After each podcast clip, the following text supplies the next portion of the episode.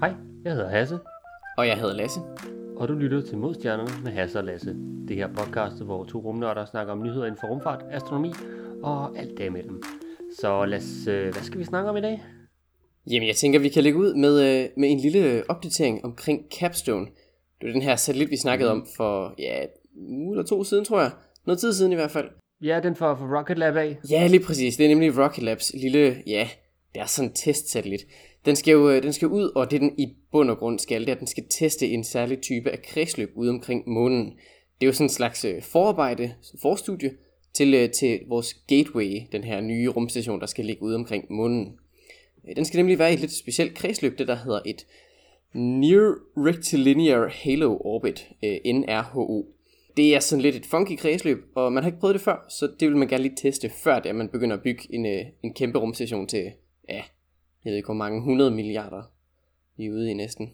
Det bliver nok lidt dyrt, men man skal sende ting frem og tilbage, og det skal, man skal hele vejen derude, og det skal lige placeres i det rigtige kredsløb. Ja.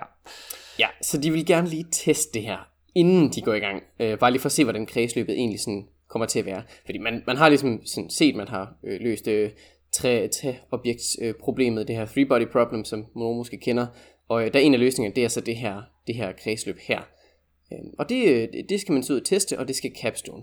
Og opdateringen her, det ligger i bund og grund bare i, at øh, opsendelsen den er blevet udskudt. Det, øh, det bliver nok først den 13. juni. Så Okay, så først og fremmest ja, et, par, et par ugers tid cirka. Ja, der, der går lige en, ja, en 10-14 dage eller sådan noget. Nu må vi lige se, hvad, ja. hvad det bliver. Det var jo egentlig tiltænkt, det skulle være afsted her i, ja, omkring nu, tror jeg næsten. Ja, mindst det var her den 3. juni her, de skulle have været øh, afsted. Ja, men øhm, det bliver det altså ikke. Det, det bliver så lige udskudt lidt. De, vil, de skal lige være helt sikre på, at, øh, at det hele det, det spiller. De vil helst ikke øh, have, at der ligesom kommer fejl. Så, så de Ja. har udskudt den for, øh, for lige at, at tjekke, at det hele det, øh, det spiller, inden den kommer afsted. Ja, ja fordi den, altså, det er jo en, ja, en speciel mission, som du siger, ud og, og være et forstudie og skulle ud i det her.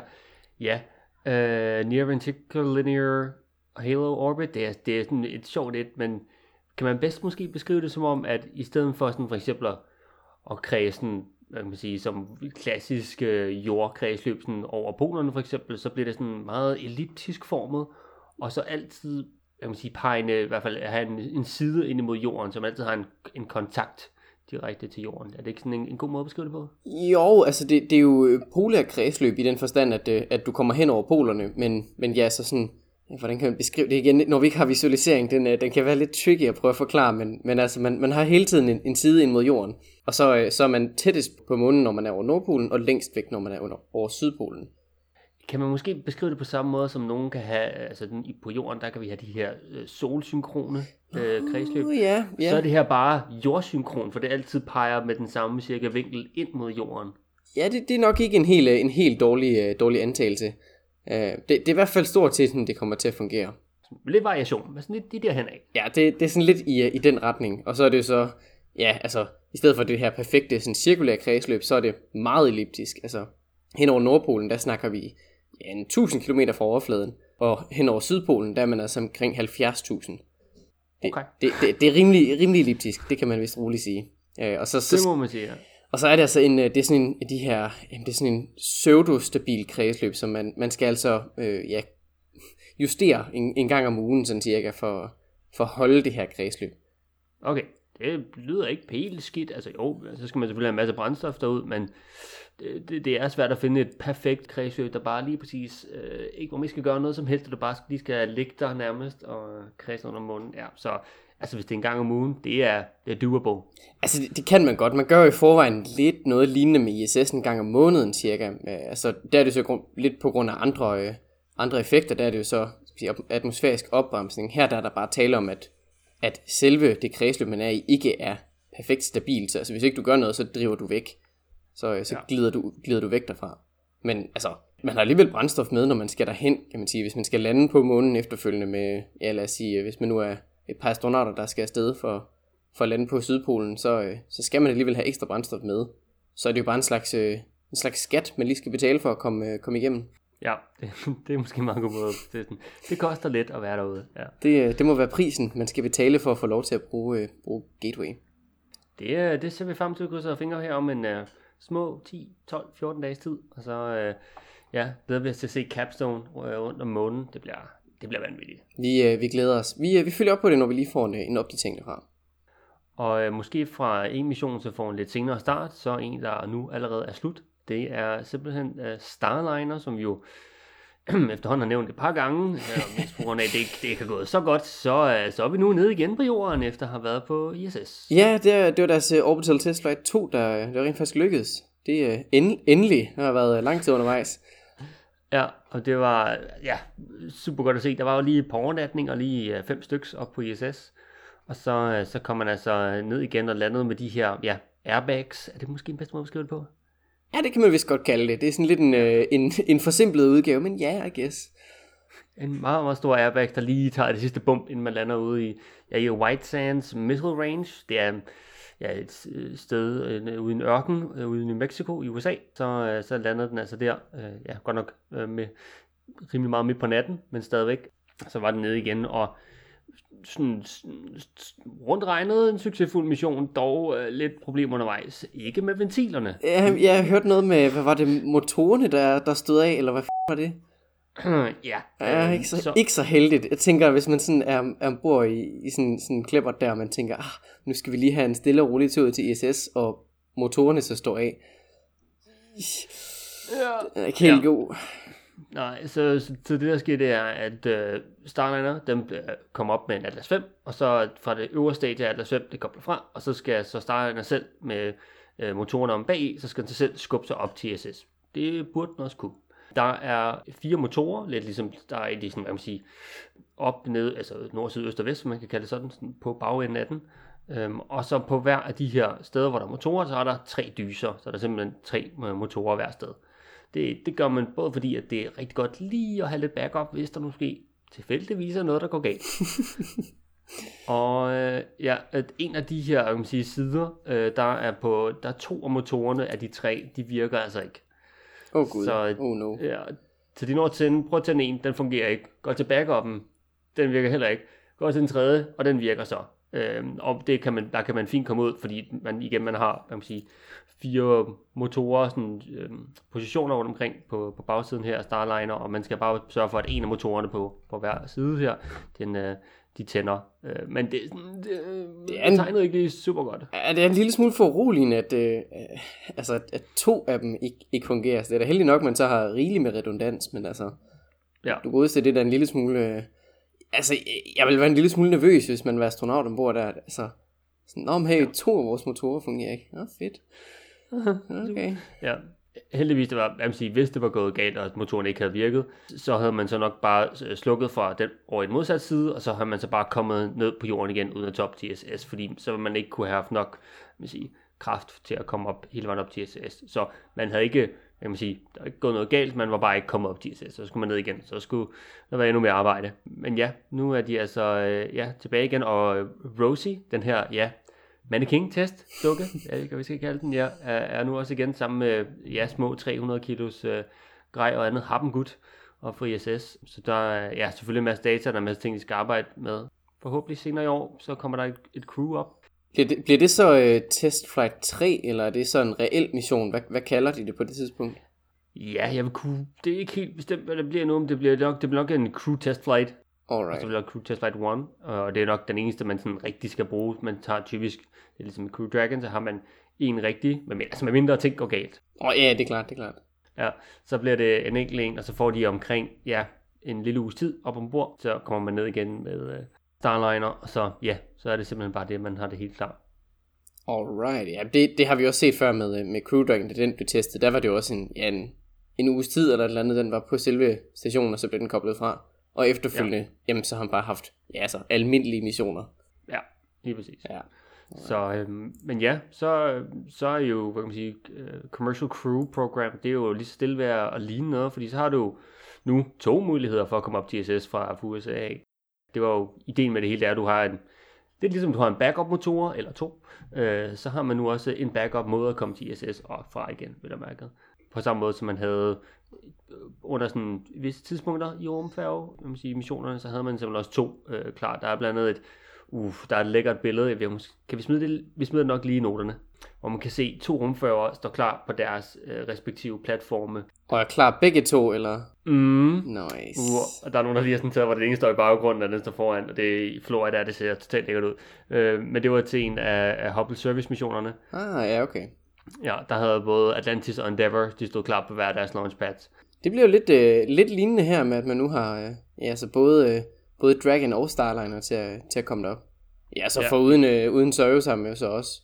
Lige præcis. Altså, der er, der er gang i den nu, så det, det bliver totalt fedt at se. Så nu krydser vi fingre for, at den her motorproblem ikke lige bliver et større problem, end det lige ser ud til at være. Og så, øh, så ser vi frem til et, et, en crew test flight her senere i år. Vi håber på det bedste. Det øh, må ikke, at det... Altså, det kan være, at de, øh, de får flere problemer med de der, øh, med de der ventiler, men de, øh, de har jo løst dem før, så må ikke, de kan, de kan klare ærterne igen.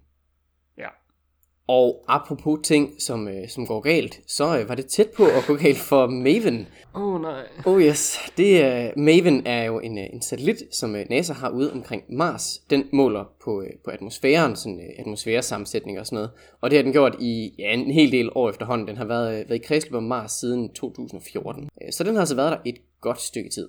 Og øh, den var tæt på at ryge svinget her den, øh, i, den, i den forgangne tid. Hvad gik der galt? Jamen altså, så, øh, så øh, Maven har to af sådan nogle øh, attitudekontrol-enheder. Og de her enheder, det, er, altså, den, det bruger den ligesom til at, til at justere, hvad for en retning den peger. Det, det er rimelig essentielt for, for alle satellitter at have, medmindre man er meget, meget lille. Men altså alle sådan større missioner, de skal have en eller anden form for attitudekontrol, så de kan ja, så pege deres instrumenter i den rigtige retning, eller sørge for, at antennen tilbage mod jorden, den peger, peger som den nu skal.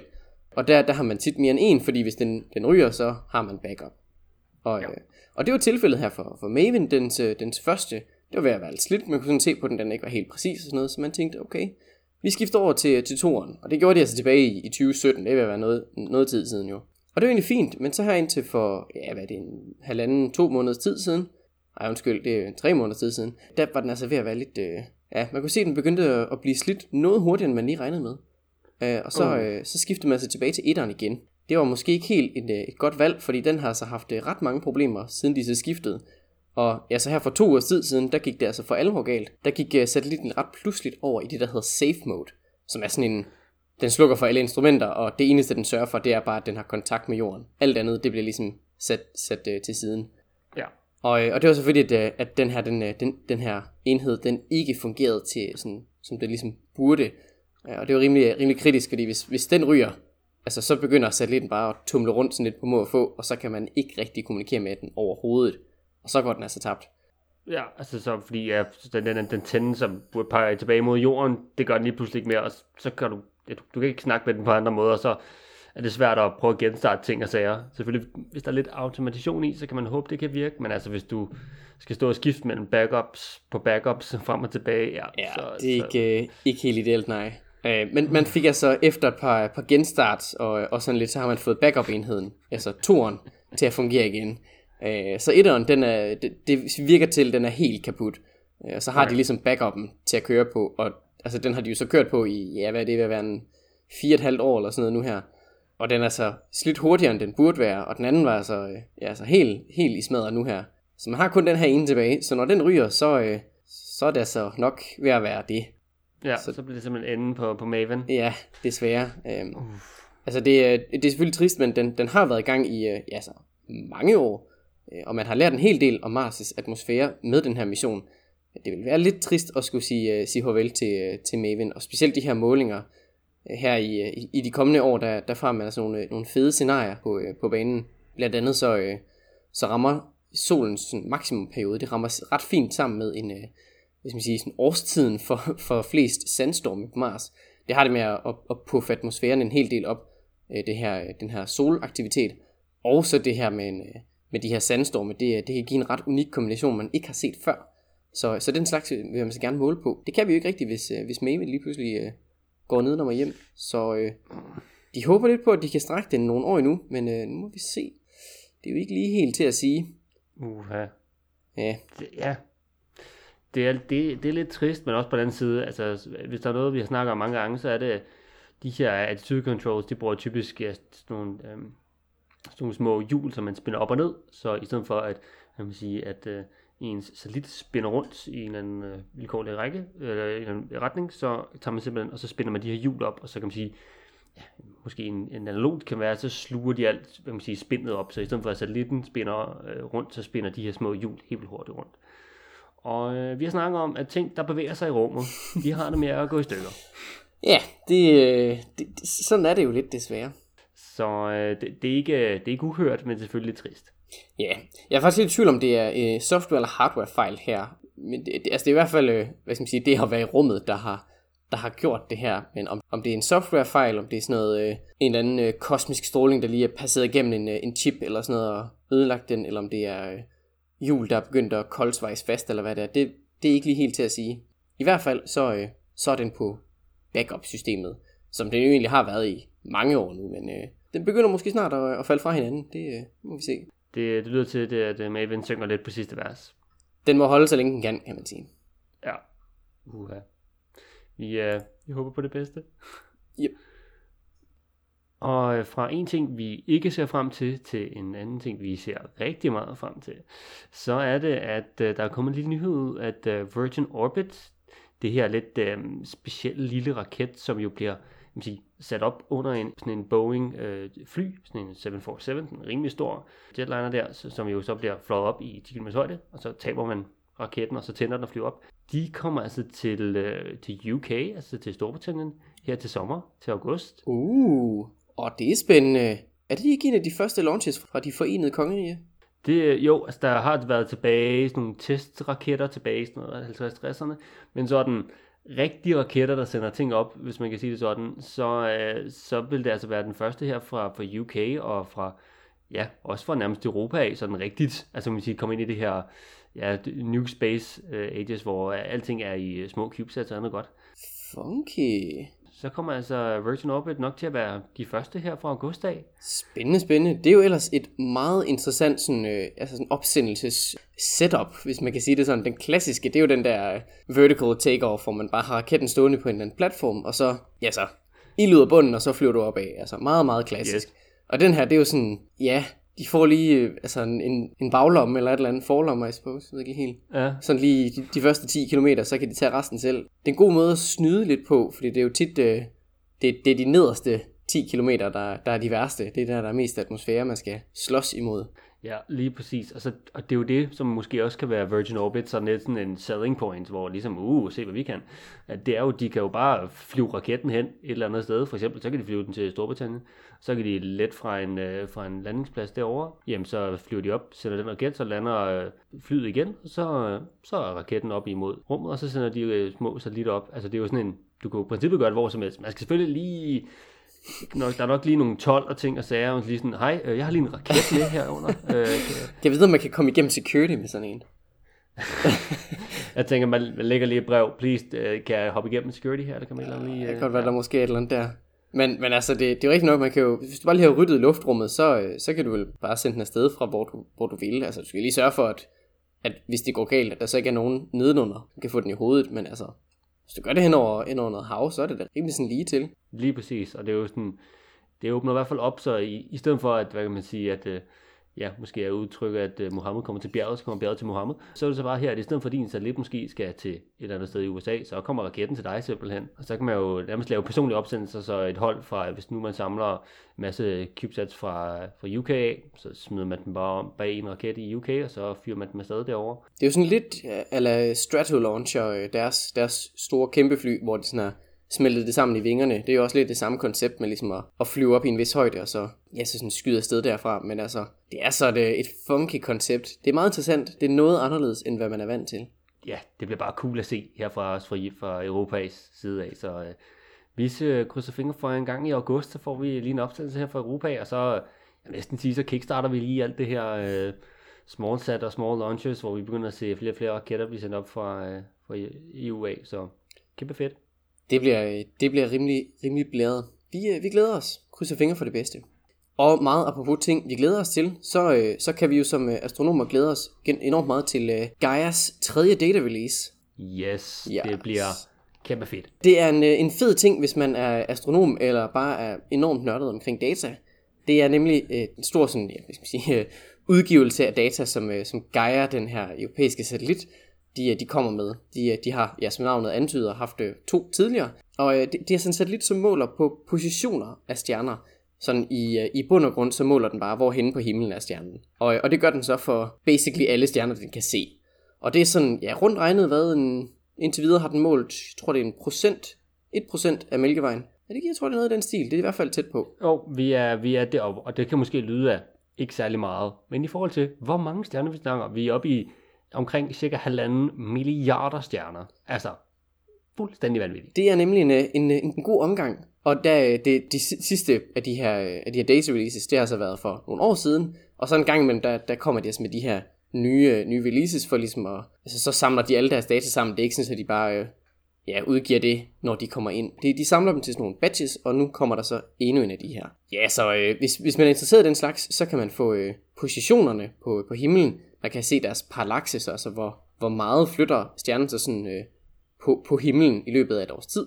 Så kan man finde ud af, hvor, hvor langt væk stjernen den er.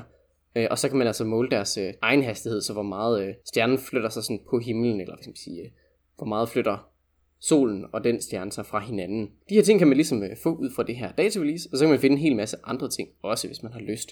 Det er sådan øh, en ordentlig omgang, øh, omgang stjerner den her gang. Sidste gang var det lige under halvanden milliard stjerner. Den her gang er det lige en lille bitte smule over. Yep, vi, er, vi kommer altså op i 1, uh, næsten 1,6 milliarder øh, stjerner, som nu får øh, også fotometri med, udover de her positioner. Uh, øh, så vi er ude i øh, temperatur og, øh, og så videre også. Yes, Very temperaturer nice. og distancer, og ja, det der populært set hedder log G, det er en, en måde at måle tyngdekraften på, øh, om, eller i omkring stjernen. Øh, det noget, man kan sige, så man fortæller omkring, hvordan stjernen er, både med, med størrelse og masse og sådan noget. Det er måske lidt nørdet, men øh, det, det er altså, for folk der er det, så forestiller man bare, at man får en hel masse parametre på sindssygt mange stjerner.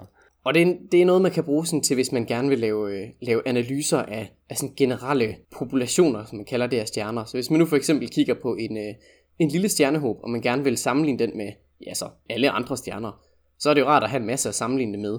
Så, øh, så til den slags, der, der er sådan noget her altså helt vildt godt.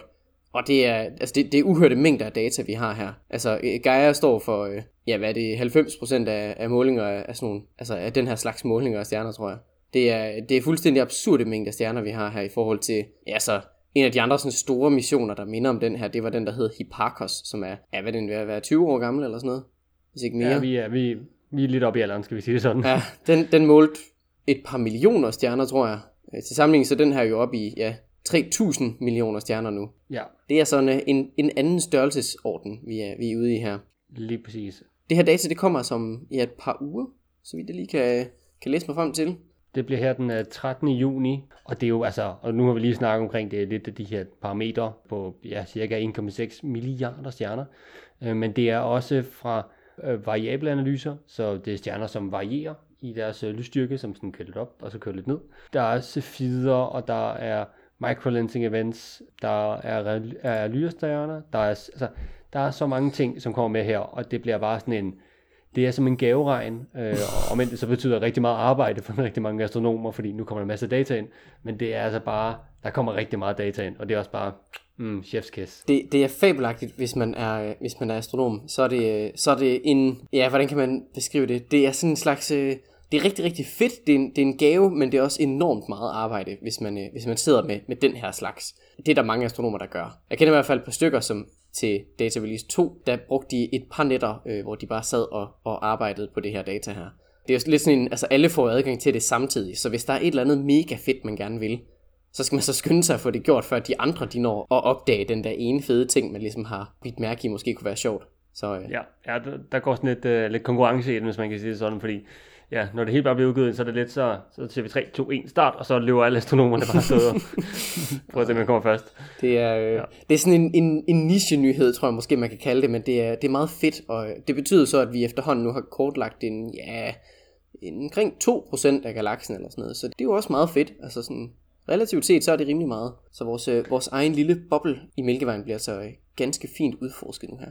Ja, og men det selvfølgelig er en masse forskellige data på det, så giver det måske også lidt et billede af, hvordan vores lille stjerne er i det her kæmpe store hvad man siger, mælkevejen, så det giver os et lille punkt på, hvor, hvordan hvor, hvordan er vores plads her i, uh, i resten af galaksen. Det er lidt en nørdet nyhed, ja, men også sådan, kan man sige, det abstrakte det er jo selvfølgelig, at vi, vi lærer mere omkring man sige, den, en klassisk stjerne her i, uh, i, uh, i Mælkevejen, hvordan den ser ud, og for nu kan vi jo se på statistikker, når vi har simpelthen så mange, hvordan, uh, hvordan kommer det her egentlig til at, at hænge sammen. Så det er fantastisk, og vi, uh, ja, vi, nok, vi, vi kommer nok ikke selv til at arbejde med det, men det er stadig sådan for os astronomer, så det er sådan en festdag.